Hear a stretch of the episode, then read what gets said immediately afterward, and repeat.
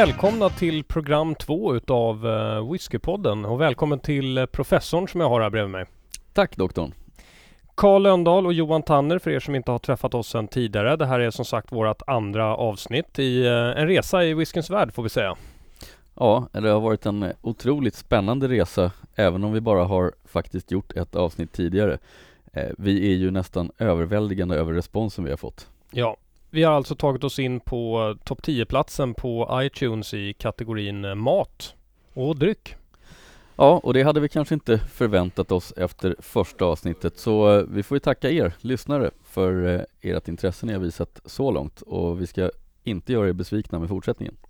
Och som ni kanske redan vet, men om ni inte vet det så kan ni interagera med oss både på våran hemsida whiskyabc.se och ställ också frågor på Facebook där vi finns som Whiskypodden. Precis, facebook.com snedstreck whiskypodden hittar ni Whiskypoddens egen Facebook-sida.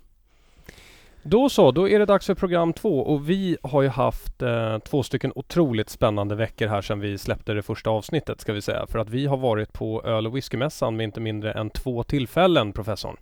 Precis, jag var ju själv där endast en av dagarna tyvärr, men eh, lyckligtvis kunde ju doktorn täcka upp dag två också. Doktorn kan komma som vi säger.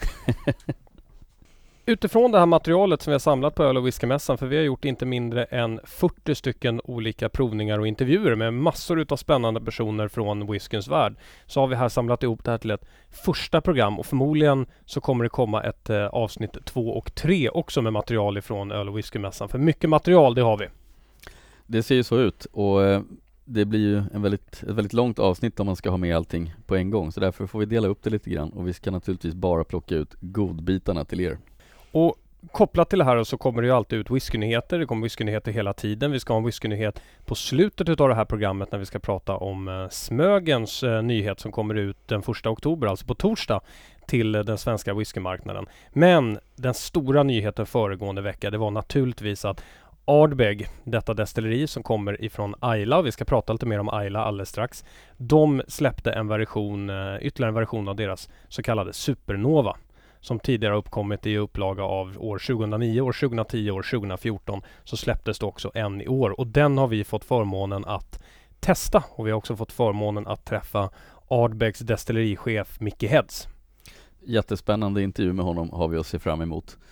Men vi ska prata lite grann om själva öl och whiskymässan. Det riktiga namnet är ju Stockholm Beer and Whiskey Festival och det här är ju en, eh, för er som kanske inte känner till det, det är världens största whiskymässa och världens näst största ölmässa. Det är precis det det är och eh, om man bara får ta det lite mer emotionella innan du blabbar iväg på ännu mer fakta om öl och whiskymässan så, då skulle jag säga att eh, fantastiskt att träffa alla dessa individer som har eh, samma intressen som vi på plats på öl och whiskymässan. Fantastiskt att se alla dessa människor som får komma dit och ta sig in i öl och whiskyvärlden. Därför att det är inte bara så att man går runt och prövar saker till väldigt, väldigt förmånliga priser utan man kan även gå dit för att gå på masterclasses, testningar, kurser. Så det finns någonting för alla, både för den som är en meganörd inom området eller för den som är en ren nybörjare. Så det är ju en rak rekommendation att är man intresserad av öl eller whisky, gå till öl och whiskymässan. Ja det var helt rätt Karl. Jag snöar gärna in lite grann på fakta och det ska man inte glömma bort att öl och whiskymässan är ju en smältdegel för alla sorters människor som har någon form av intresse av öl och whisky. Man behöver ju absolut inte vara proffs för att vara där. Det finns gott om proffs där som kan leda en rätt. Så jag delar den rekommendationen. Tillbaks till det väsentliga, faktan. Eh, öl och whiskymässan har ju gått av stapeln i år för 24 gången. Ja, det är otroligt. Det betyder att det är 25-årsjubileum nästa år. Det ser vi fram emot. Vi kommer naturligtvis vara där. Naturligtvis. Eh, vi räknar med att det kommer vara en hel del aktiviteter och, och jippon kring just 25-årsjubileet. På plats på öl och whiskymässan så är det såklart inte bara utställare som man, eh, som man möter och som vi har intervjuat i programmet utan vi har ju såklart mött andra talespersoner för whiskyn i Sverige. Och då pratar vi om bloggare, vi pratar om journalister. Eh, det fanns eh, dock inga andra podcasters där. Men vi träffade ett antal jätteintresserade bloggare, eh, eller jätteintressanta bloggare ska jag säga, som också, precis som vi, delar den här tanken om att vem som helst ska få tycka vad som helst om whisky. Det behöver inte vara insnöat och att vissa regioner ska vara häftigare än andra, utan man står faktiskt för att alla ska få tycka vad man vill. Och en utav de personerna, han driver eh, Whiskey Place på nätet och på Facebook. Han har över 4000 följare på Facebook. Han heter Per Avermark och vi tänkte att vi ska ha, att vi nu ska spela upp för er den intervjun som vi hade med honom där på plats när han ska berätta om sin topp 5-lista över den bästa whiskyn han har druckit i sitt liv. Välkomna tillbaka! Vi står strax utanför Bunnahaven och har stött på eh, Per Avermark som driver whiskyplace.se. Du är följd av tusentals på Facebook. Ja, det stämmer. Drygt 4000 följare på min plats på whiskyplace.se. Hur kom det sig att du startade eh, den whiskybloggen som du driver nu? Vad var det som drev dig till det? Ursprungligen var det, och det är väl fortfarande så att jag i första hand gör det för min egen skull.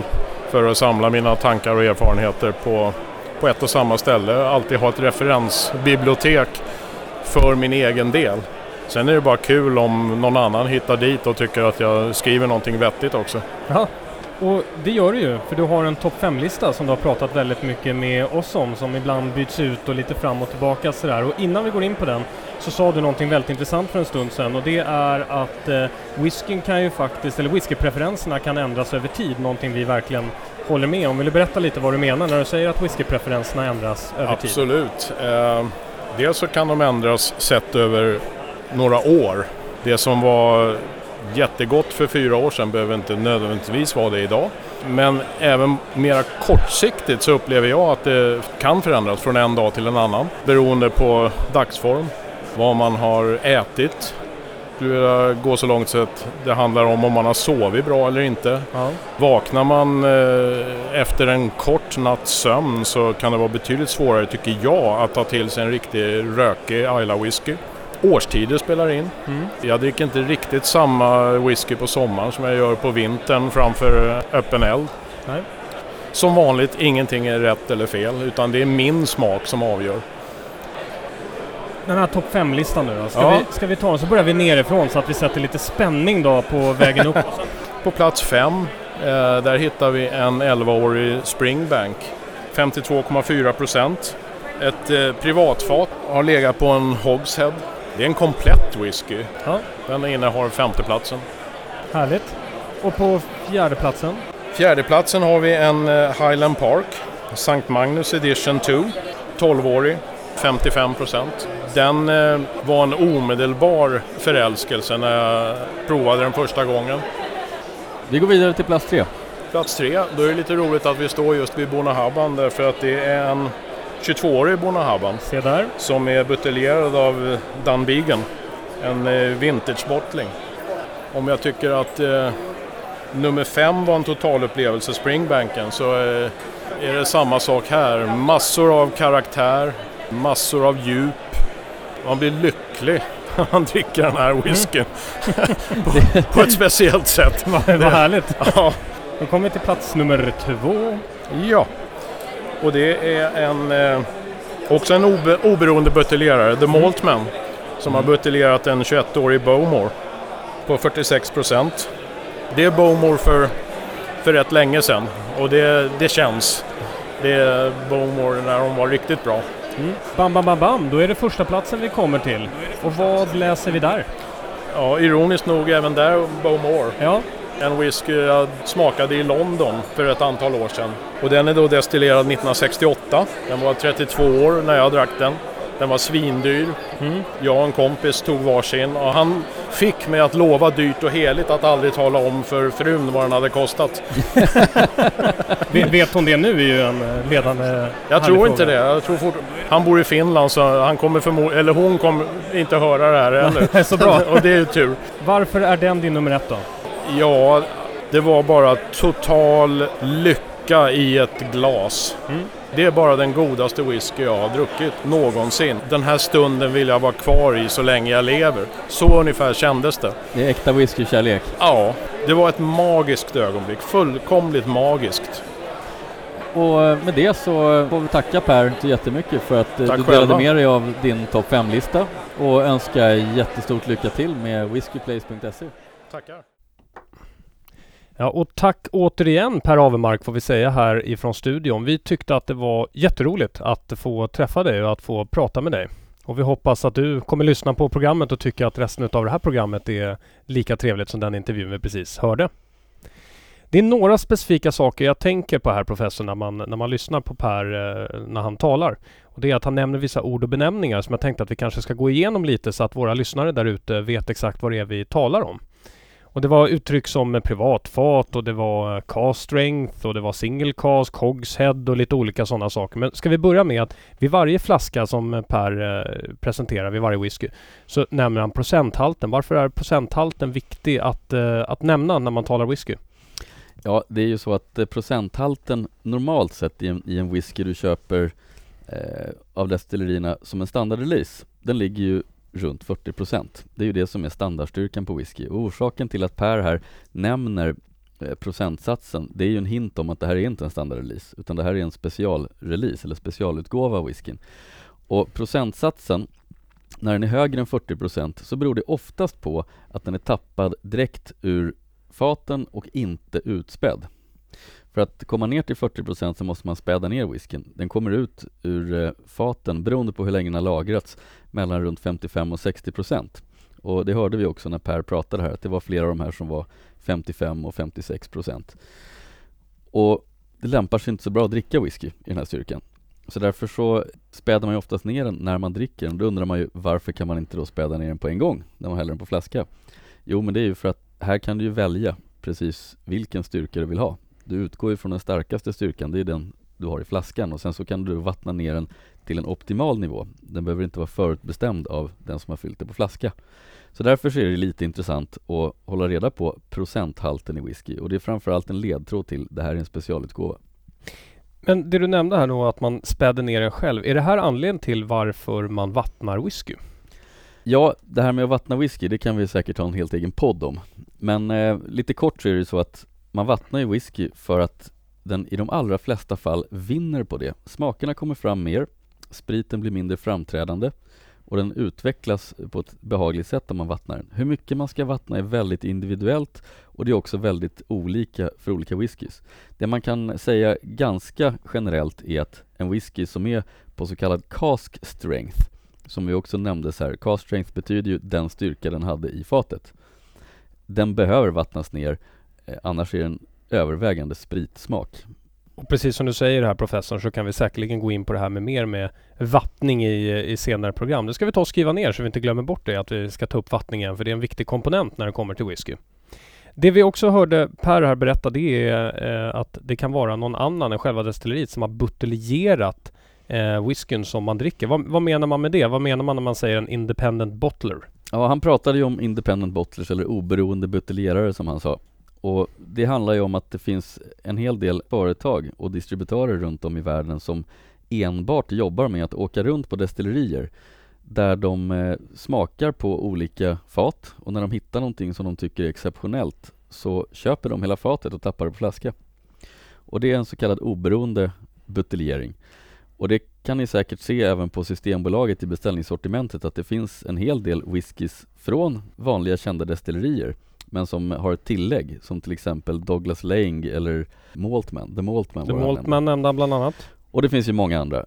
Det här är ju alltså whisky som kan vara till och med bättre än destilleriets egna releaser eftersom de har ju gått och valt ut specifika fat. Men det behöver inte vara så. Det här kan vara också whisky som kanske faller just deras testare eller deras provare i smaken.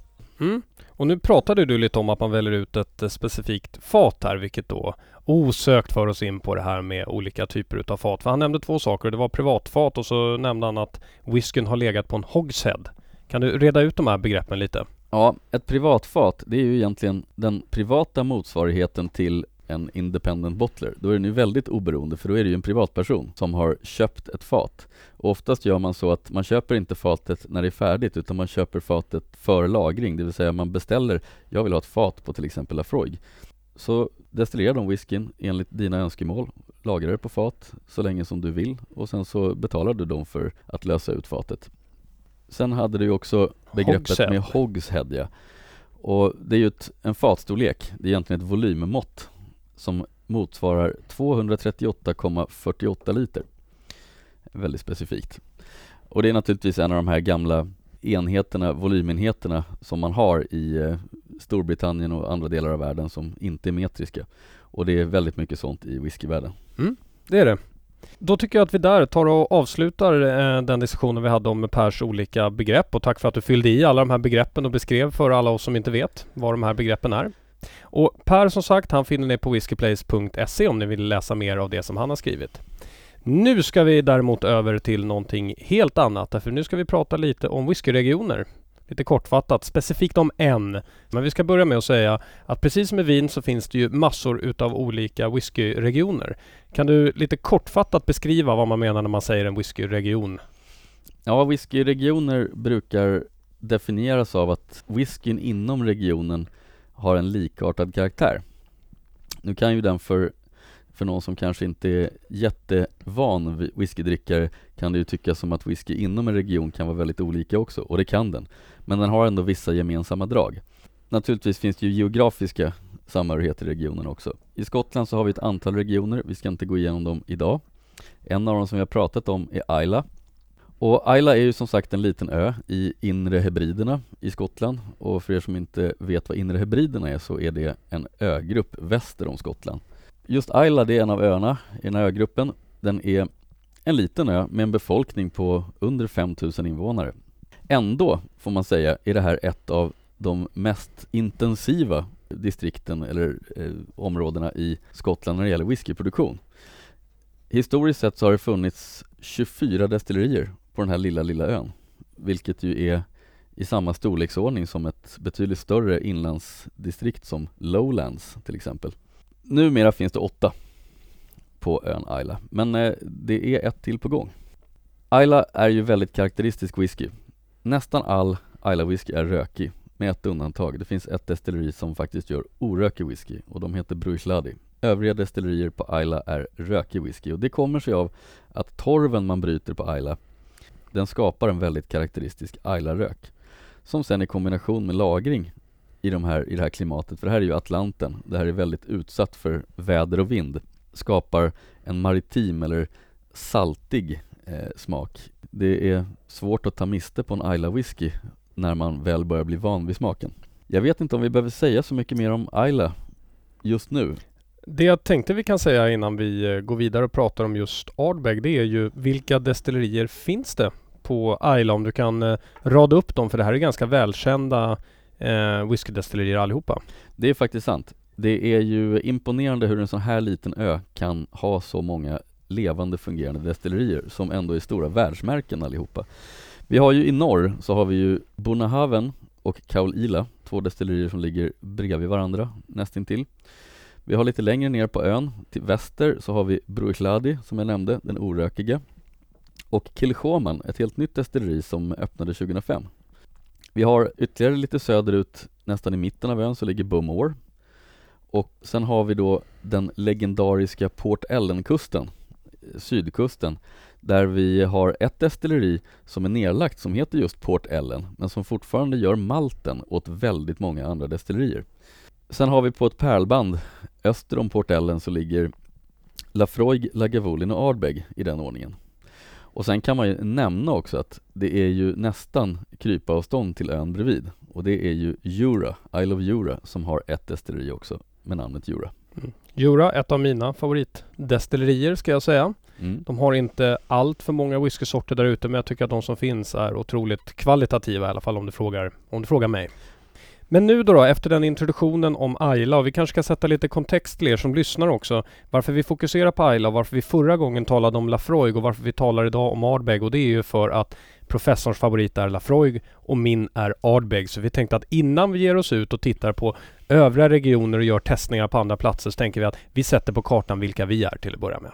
Ja, det är så enkelt. Och då ska vi prata om lite Ardbeg nu för att Ardbeg i förra veckan släppte en utgåva som heter Supernova 2015. Vill du kommentera lite kort om vad Supernovan har inneburit för Ardbegs historia? Ja, Supernovan eh, är ju en release de har gjort för att visa på extremerna i Ardbeg-smaken, kanske framförallt rökigheten. Den kom första gången 2009, andra gången 2010. Sen eh, var det meningen att det skulle vara sista releasen av Supernova. Men de gjorde en ny 2014 och nu säger de att det här är den sista 2015, även om Mickey Head som vi ska höra lite senare kanske inte är så tydlig på den punkten. Han varken ville dementera eller bekräfta det ryktet. Men eh, vi lämnar över till oss själva på öl och whiskymässan så ska vi eh, introducera er till Ardbeg Supernova. Ja. Jaha, då har vi tagit oss in till den lite bakre delen utav öl och whiskymässan. Här har vi saker som eh, Contarf, vi har Fireball, vi har Glenmorangie. Sa men- du just Fireball? Ja. Jag trodde vi var på en whiskymässa. Men du vet ju att det alltid kommer stå massor utav människor vid Fireball under kvällen. Men det är inte där de står nu. För att just nu så är alla människor som är inne i det här rummet, de står och köar vid Ardbeg. Undrar om det kan vara den nya Supernovan som gör det. Ja, det måste ju rimligen vara Supernovan eh, och det är ju inte utan att vi är ganska nöjda med att vi lyckades boka varsin flaska i morse. De sålde slut på en sekund Ja, och det är ingen överdrift. Det var precis bokstavligt talat en sekund så var alla flaskor borta. Eh, och här ser vi ju att de eh, presenterar den i sin monter. exakt. Och det vi ska försöka få till nu, eller att vi ska smaka lite av den om det är möjligt. Ja, vi eh, ska göra ett försök på det. Övriga saker som Ardbeg har med sig här verkar vara Kildalton, de har Tian, Korvräckan, Öjgedal och naturligtvis Perpetuum som kom tidigare under året som är jubileumsutgåvan för Nardbeg då de firade 200 år. Vad är dina spontana kommentarer om Perpetuum? Ja, Perpetuum är ju en eh, väldigt, väldigt bra whisky, det är ingen snack om saken. Eh, som 200-års release skulle jag kanske ändå ha valt Supernovan. Och det säger jag utan att ens ha testat den, med tanke på att jag har druckit Supernova 2009 och 2010. Och Perpetuum når inte upp till de nivåerna. Men jag förstår också att man vill ha en 200-års whisky som kanske inte säljer slut på en sekund, utan som kan eh, gå till en lite bredare publik. Och med det, med det sagt så får man ju säga att Perpetuum är väldigt bra. Den är en, eh, ett bra signum för Ardbeg, en, signaturwhisky får vi nog säga att det det, är. är, det, är, väl- det är väl en signatur framförallt för No Age-whiskyn skulle jag säga ganska generella termer. Ja, och det är ju det någonting Ardbeg har eh, börjat med nästan uteslutande. Det är ju bara originalreleasen 10 som eh, är årssatt nu för tiden. Det finns några udda releaser med 17-årig eh, och det finns äldre releaser såklart med årtal. Men eh, annars är det ju i stort sett bara No Age whisky som gäller för Ardbeg. Ja, då står vi här i montern och nu har vi den här supernovan som vi har skrivit om tidigare idag på bloggen där vi talade om att vi fick tre flaskor av den sista supernovan, Supernova 2015. Den har vi i handen och doftar på just nu, professorn. Ja, det här är ju en era som går i graven om det är den sista supernovan. Eh, jag kommer aldrig glömma 2009 som eh, i min bok troligen är den bästa Ardbeg som har släppts i modern tid. Mm. Jag vet, eh, du håller inte riktigt med mig där men, Nej, eh, det gör jag inte riktigt. men, men eh, jag tror att även du kan uppskatta att den ligger väldigt, väldigt högt Ja, i ranking av Ardbegs releaser. och det jag tycker är så häftigt med den här det är ju rökigheten de har i eh, den här eh, årets supernova som har kommit. Vad var enheten nu igen? Det är parts per million och den här håller ju 100 parts per million vilket är samma som både Ardbeg 2009 och 2010 faktiskt. Mm. Men som är rekord i, i Ardbeg-ögon då, då. Det finns whisky som är ännu rökigare än så. Octomore har en eller två eller tre stycken som är rökigare. Men det här är rökigaste de har släppt kombinerat med de två tidigare. Octomore, de eh, har ju bara ett enda syfte och det är att hålla världsrekordet i rökighet. Ja. Eh, inte att göra bra whisky. Men eh, för Ardbeg är detta rekord och den vanliga Ardbeg 10 kan vi nämna för er som lyssnar. Den ligger på 55 parts per million i rökighet eller fenoler. Vilket för en eh, normal lyssnare, normal whiskytestare är enorm rökighet. Och den här har då alltså det dubbla. Precis. Som referens kan man också ta Lafroig som de flesta förknippar som en rökig whisky och den har 30 parts per million. Men låt oss nu dofta på Ardbeg Supernova. Det är härligt också när hela Ardbeg-gänget står och skålar med oss bakom här och hejar på. Det är någonting eh, vi kan plocka ut direkt som inte stämmer i den här. Mm. Det är det. Och vi, vi, vi ska vara ärliga nu och säga att vi försökte lokalisera vad det var men fick lite hjälp på traven av Ardbegs bås själva här. Precis. Och det är ju så att det här är en väldigt komplex whisky. Den har eh, en otroligt stark rökighet och det gör att det inte är så lätt att faktiskt sätta fingret på en specifik smak under den här rökmattan. Men vi fick hjälp och fick höra att det är Oloroso Sherry Ja. som vi känner igenom i doften. En väldigt sympatisk eh, doft eh, måste jag säga i stort sett och jag har förhoppningar om att den här eh, kan nå 2009ans höjder. Men låt oss smaka på den. Vi smakar. Oj, oj, oj. Du pratade oljighet Jaha. förut. Vi, vi kan släppa att djuran var oljig. Den är tunn och vattnig i jämförelse. Och Röken Oj, kommer ju som eh, en käftsmäll. Ja, Den här är en komplex whisky den är överallt på min tunga just nu. Jag, det är knappt så att jag kan tala för den spritter ut liksom i utsidan av kinderna och den tar sig ner i halsen, den ligger under tungan, den ligger bak på tungan. Det är sälta. Den använder just nu alla mina olika smakkomponenter som jag överhuvudtaget har, tror jag, i min kropp. Den är så bred. Det här är en riktig, riktig knockout whisky. Man får jobba på högvarv för att hänga med i vändningarna i den här. Jag känner igen det lite grann från eh, när jag provade Ardbeg Roller Coaster Mm. som ju var en whisky som Ardbeg släppte för att fira eh, sina nya år som eh, destilleri. Den var gjord på ett sådant sätt att tanken var att smakerna i whiskyn skulle komma i samma ordning som eh, åren när de gjorde whiskyn. Så Ja. att det skulle vara, man skulle få uppleva alla Ardbeg-åren i nya eran. Och det här är ungefär samma sak med skillnaden att här kommer de alla på en gång. Alla på en gång. Men vilken, vilken komplexitet. Och jag måste nog säga att eh, doften som vi plockade upp med Oloroso Sherryn, den är nästintill obefintlig i smaken. Det är den, även om jag fortfarande tycker att tonerna av ett ljust fint trä finns här i. Den är väldigt tydlig tycker jag direkt när den kommer in på tungan att det finns en sån komponent och sen bara exploderar den fullkomligt. Vi har ju också även här, precis som i Diorax Own som vi testade tidigare, så har vi ju genom den här tjocka röken så har vi apelsinolja och citrus i mängder i den här. Eh, det här är, är mycket citrus och det är någonting som man ofta känner i Ardbeg. Även i Ardbeg 10 så finns det ju citrustoner men jag tycker de är tydligare här. Det är nästan så att det är lite syra i whiskyn. Ja. Någonting jag inte tycker att man heller får glömma bort, det är här nu, eller inte glömma bort, det märks så tydligt. Sältan är hela vägen ute på mina kindkanter och det ska ju vanligtvis bara vara bak i munnen. Jag vet inte om det är mig det är något fel på. Men jag tycker att den är så bred i det och jag tycker att den har en tydligare havssmak än vad de kombinerade olika Ardbeggarna har. Och då tänker jag på standardutgåvorna, och tänker jag på tian, jag tänker på korvräckan, Uygedal. Jag tycker den är närmare havet som en Lafroig har än vad en vanlig Ardbeg har. Det tycker jag är häftigt för den kombinerar nästan Ardbeg och Lafroigen i de här två delarna. Du har helt rätt och, det beror på, den här havssmaken, det beror på rökigheten. De här 100 ppm, de åstadkommer man ju med hjälp av torv som man bryter på Ayla och den torven är ju använd i massiva mängder i den här whiskyn för att torka malten och det gör ju att i den här torven så har du ju havssmakerna också. De blir ju förstärkta av den här rökigheten. Så att eh, jag håller helt med dig. Den har, den har sina inslag från Lafroig-världen. Och konstigt vore väl annars med ett destilleri som ligger ungefär en kilometer från Lafroig. Ja, det vore ju märkligt annars.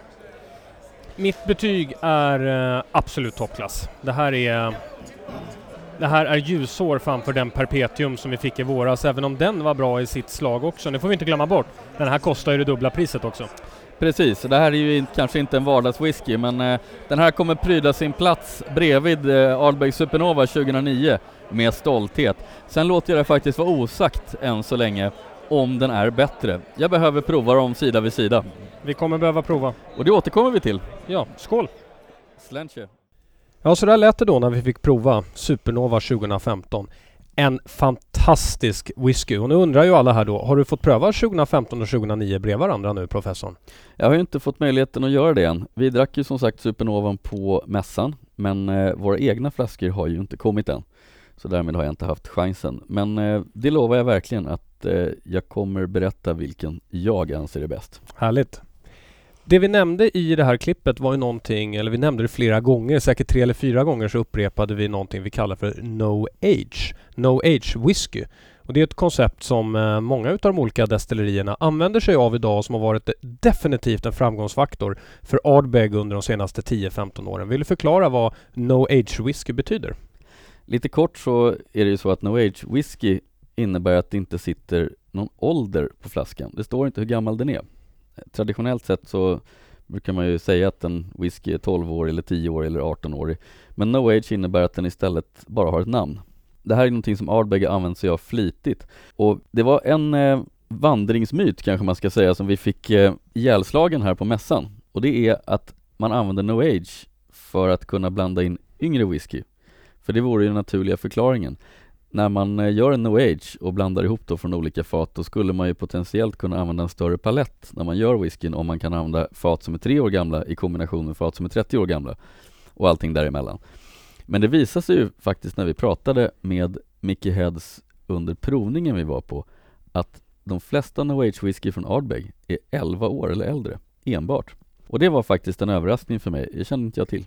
Jag var ju tvungen att ställa den här frågan till honom flertalet gånger bara för att se att jag inte hade missförstått det. Men enligt honom i alla fall, och då ska jag säga att de vi specifikt talade om då var eh, Supernova korvräckan och eh, Perpetuum var de vi pratade om specifikt. Men de påstår i alla fall han är över tio år gamla allihopa.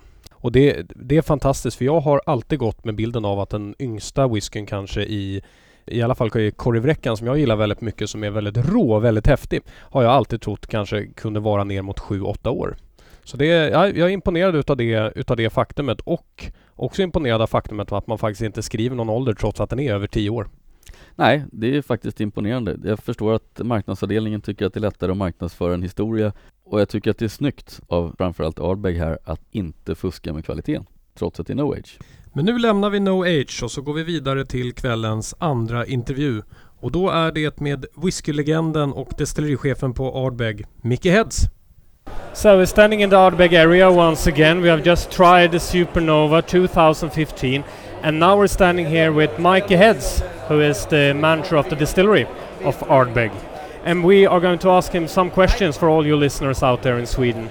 To begin with, we'd like you to present yourself and explain what you do at Ardbeg. Uh, well, my name's uh, Michael Heads, or everybody calls me Mickey, so it's just a, a nickname they have. So every for for so many years, uh, I'm the distillery manager, so I look after the uh, the distillery, all the operations at the distillery, in charge of the distillation and everything that we do there, amongst many other things as well. So, uh, so that's my job. I've been uh, in the whisky, working in whisky in, on Isla Jura for almost 36 years. In October, I'll be 36 years at it. So uh, I don't know how to do anything else. So it's whiskey's been in my blood. So and my father and grandfathers as well. So so uh, it's uh, it's whiskey that runs through the veins. I'm afraid. So fantastic, fantastic. And uh, you're also the chairman uh, of the Ardbeg uh, committee.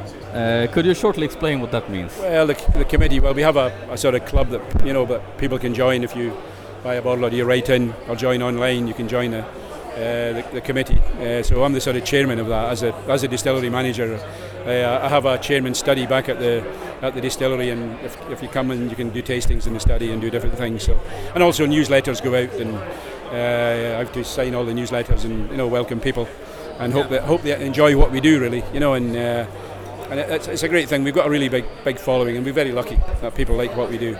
Yeah, really, you have been very successful with this.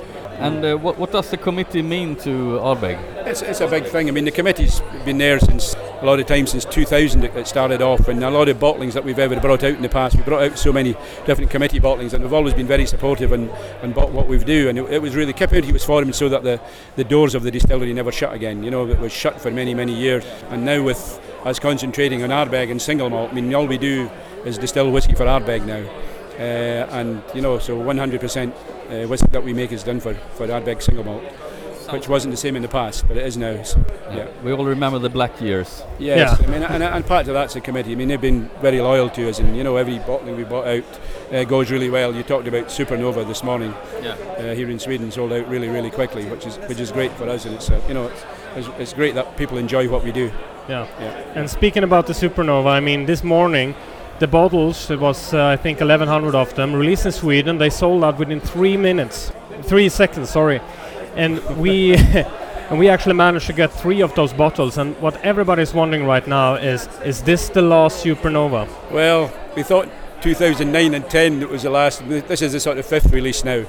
Uh, you know, so. Uh, it's possibly, you know, there's very limited stock that we have of it, you know, and what we try to do with the 2015 is we're trying to you know, 2009 was the first one, and trying to replicate what we do then, which and it's always very difficult to do. But hopefully, I think this year's Supernova is, is, is very very good. I, I really like it a lot, and the comments we've had from people who have tasted it seem quite positive, and I'm sure people in Sweden will uh, will like it. They've they loved the first uh, everyone here loved the first issues that we've done of it, especially the 9 and 10. And people have been asking me for years, will we have another one? And from t- 2010 through 11, 12, and 13, and I was saying, no, no, but I couldn't see anything, you know. So, but uh, so here we have this one. So you know, it, it, may well be, you know, but maybe not, you know. So we'll just have to wait and see.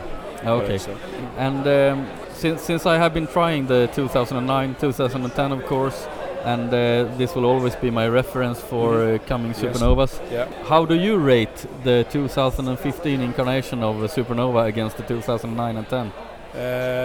Yeah, I think you know it's what we, as I said before, we're sort of trying to replicate what we do, and that's trying to get so that people know that when it comes out as supernova, and it you know when you're doing batches and small releases like this, you know, to trying to get it, you know, exactly 100%, exactly the same is difficult, you know, because we're looking at different casts and selecting casts and batches, Of course. and I think we've, I think this one is is, is pretty is pretty close to it, I reckon. Uh, I like this, the style of it. It's, it's got that sweetness that you would expect from Ardbeg. It has to be there. It has the power, and it also has a self subtleness about it as well. You know, when you add a couple of little drops of water to it, it's just absolutely wonderful. I'm sure I'm sure you'll like it. Yeah, I know Yeah. I like it a lot. Yeah, yeah. and I'm Um, biased, I know, but I do like it. yeah, me too actually. Yeah. just one final que- uh, question, Mickey.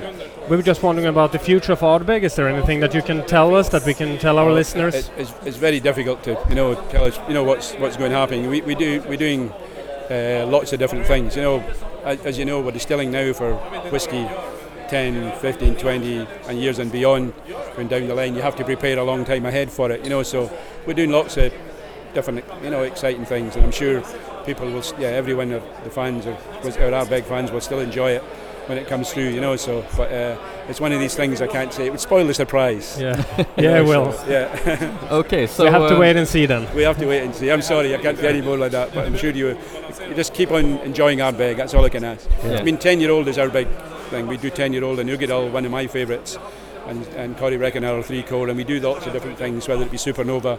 We've done Perpetuum for festival as well, so we do lots of different things and try and do creative and do different things that hopefully uh, everyone will, will will enjoy when it comes along. Yeah. So we're hoping to see new excellent releases from Ardbeg, of course, in the future. I hope and uh, sure it will. thank you very much for your time. My pleasure. Uh, nice to speak to you as well. Thank you. Thank you very much. Ja, där hade ni alltså intervjun med Micke Head som är chef för Ardbeg-destilleriet och vad häftigt professorn att få intervjua en sån här whiskylegendar. Ja, det är någonting vi ser fram emot att göra fler gånger. Verkligen. Vi hoppas också en dag att vi ska kunna vara på plats hos eh, något av destillerierna nere på Ayla och göra ett inslag därifrån och intervjua ännu fler legender. Och det vågar vi nästan lova. Det vågar vi nästan lova. Nu ska vi vidare och då är det en whiskynyhet som eh, släpps den 1 oktober och det är Smögen Sherry Project 1 kolon 3 som kommer att släppas då.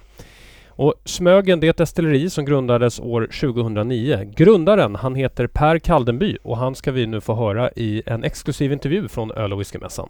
Då så, då har vi tagit oss fram till Smögen. Vi har jobbat oss förbi Box, vi har varit hos Mackmyra, vi har varit hos Spirit of Ven och nu står vi här hos Smögen med Per som är grundare. Välkommen! Tack så mycket. Du skulle jättegärna få berätta för våra lyssnare där ute vad, eh, vad Smögens historia är och eh, ja, vad era värdegrunder är, varför ni ville starta företaget och varför ni vill driva det destilleriet ni har idag. Ja, eh, grundades 2009, började producera augusti 2010 och eh, ja, äldsta faten de får som är, är där så att säga är fem år vid det här laget. Eh, vi, eller det är jag som grundade det hela och eh, ja, jag har skrivit ett par böcker om whisky och tyckte väl att det fanns en lucka både geografiskt och även karaktärsmässigt i Sverige. Eh, alltså en rökig, kraftfull kustwhisky, eh, givetvis på västkusten då. Eh, så det, ja, det är väl den korta historien så att säga. Första buteljeringen, eh, Smögen Primör som den heter, den släpptes i mars 2014 på Systembolaget. Det finns några få flaskor kvar, runt 40 stycken igår tror jag vi kollade. Och sen har vi släppt ett antal andra buteljeringar som alla har tagit slut väldigt snabbt. Mm. Man ställer frågor om, eh, till att börja med om utmaningen på den svenska marknaden när det kommer till whisky. För att ni har ju alla de olika whiskydestillerierna i Sverige har lite olika strategier för att nå fram på marknaden. Vad är er strategi och vad ser ni för utmaningar? Vi är ju alltså väldigt små. Eh, vi har sagt att vi ska producera minst 10 000 liter råsprit om året och det är en ganska liten mängd men å andra sidan så fokus ligger helt och hållet på kvalitet givetvis men också på karaktärsstyrka.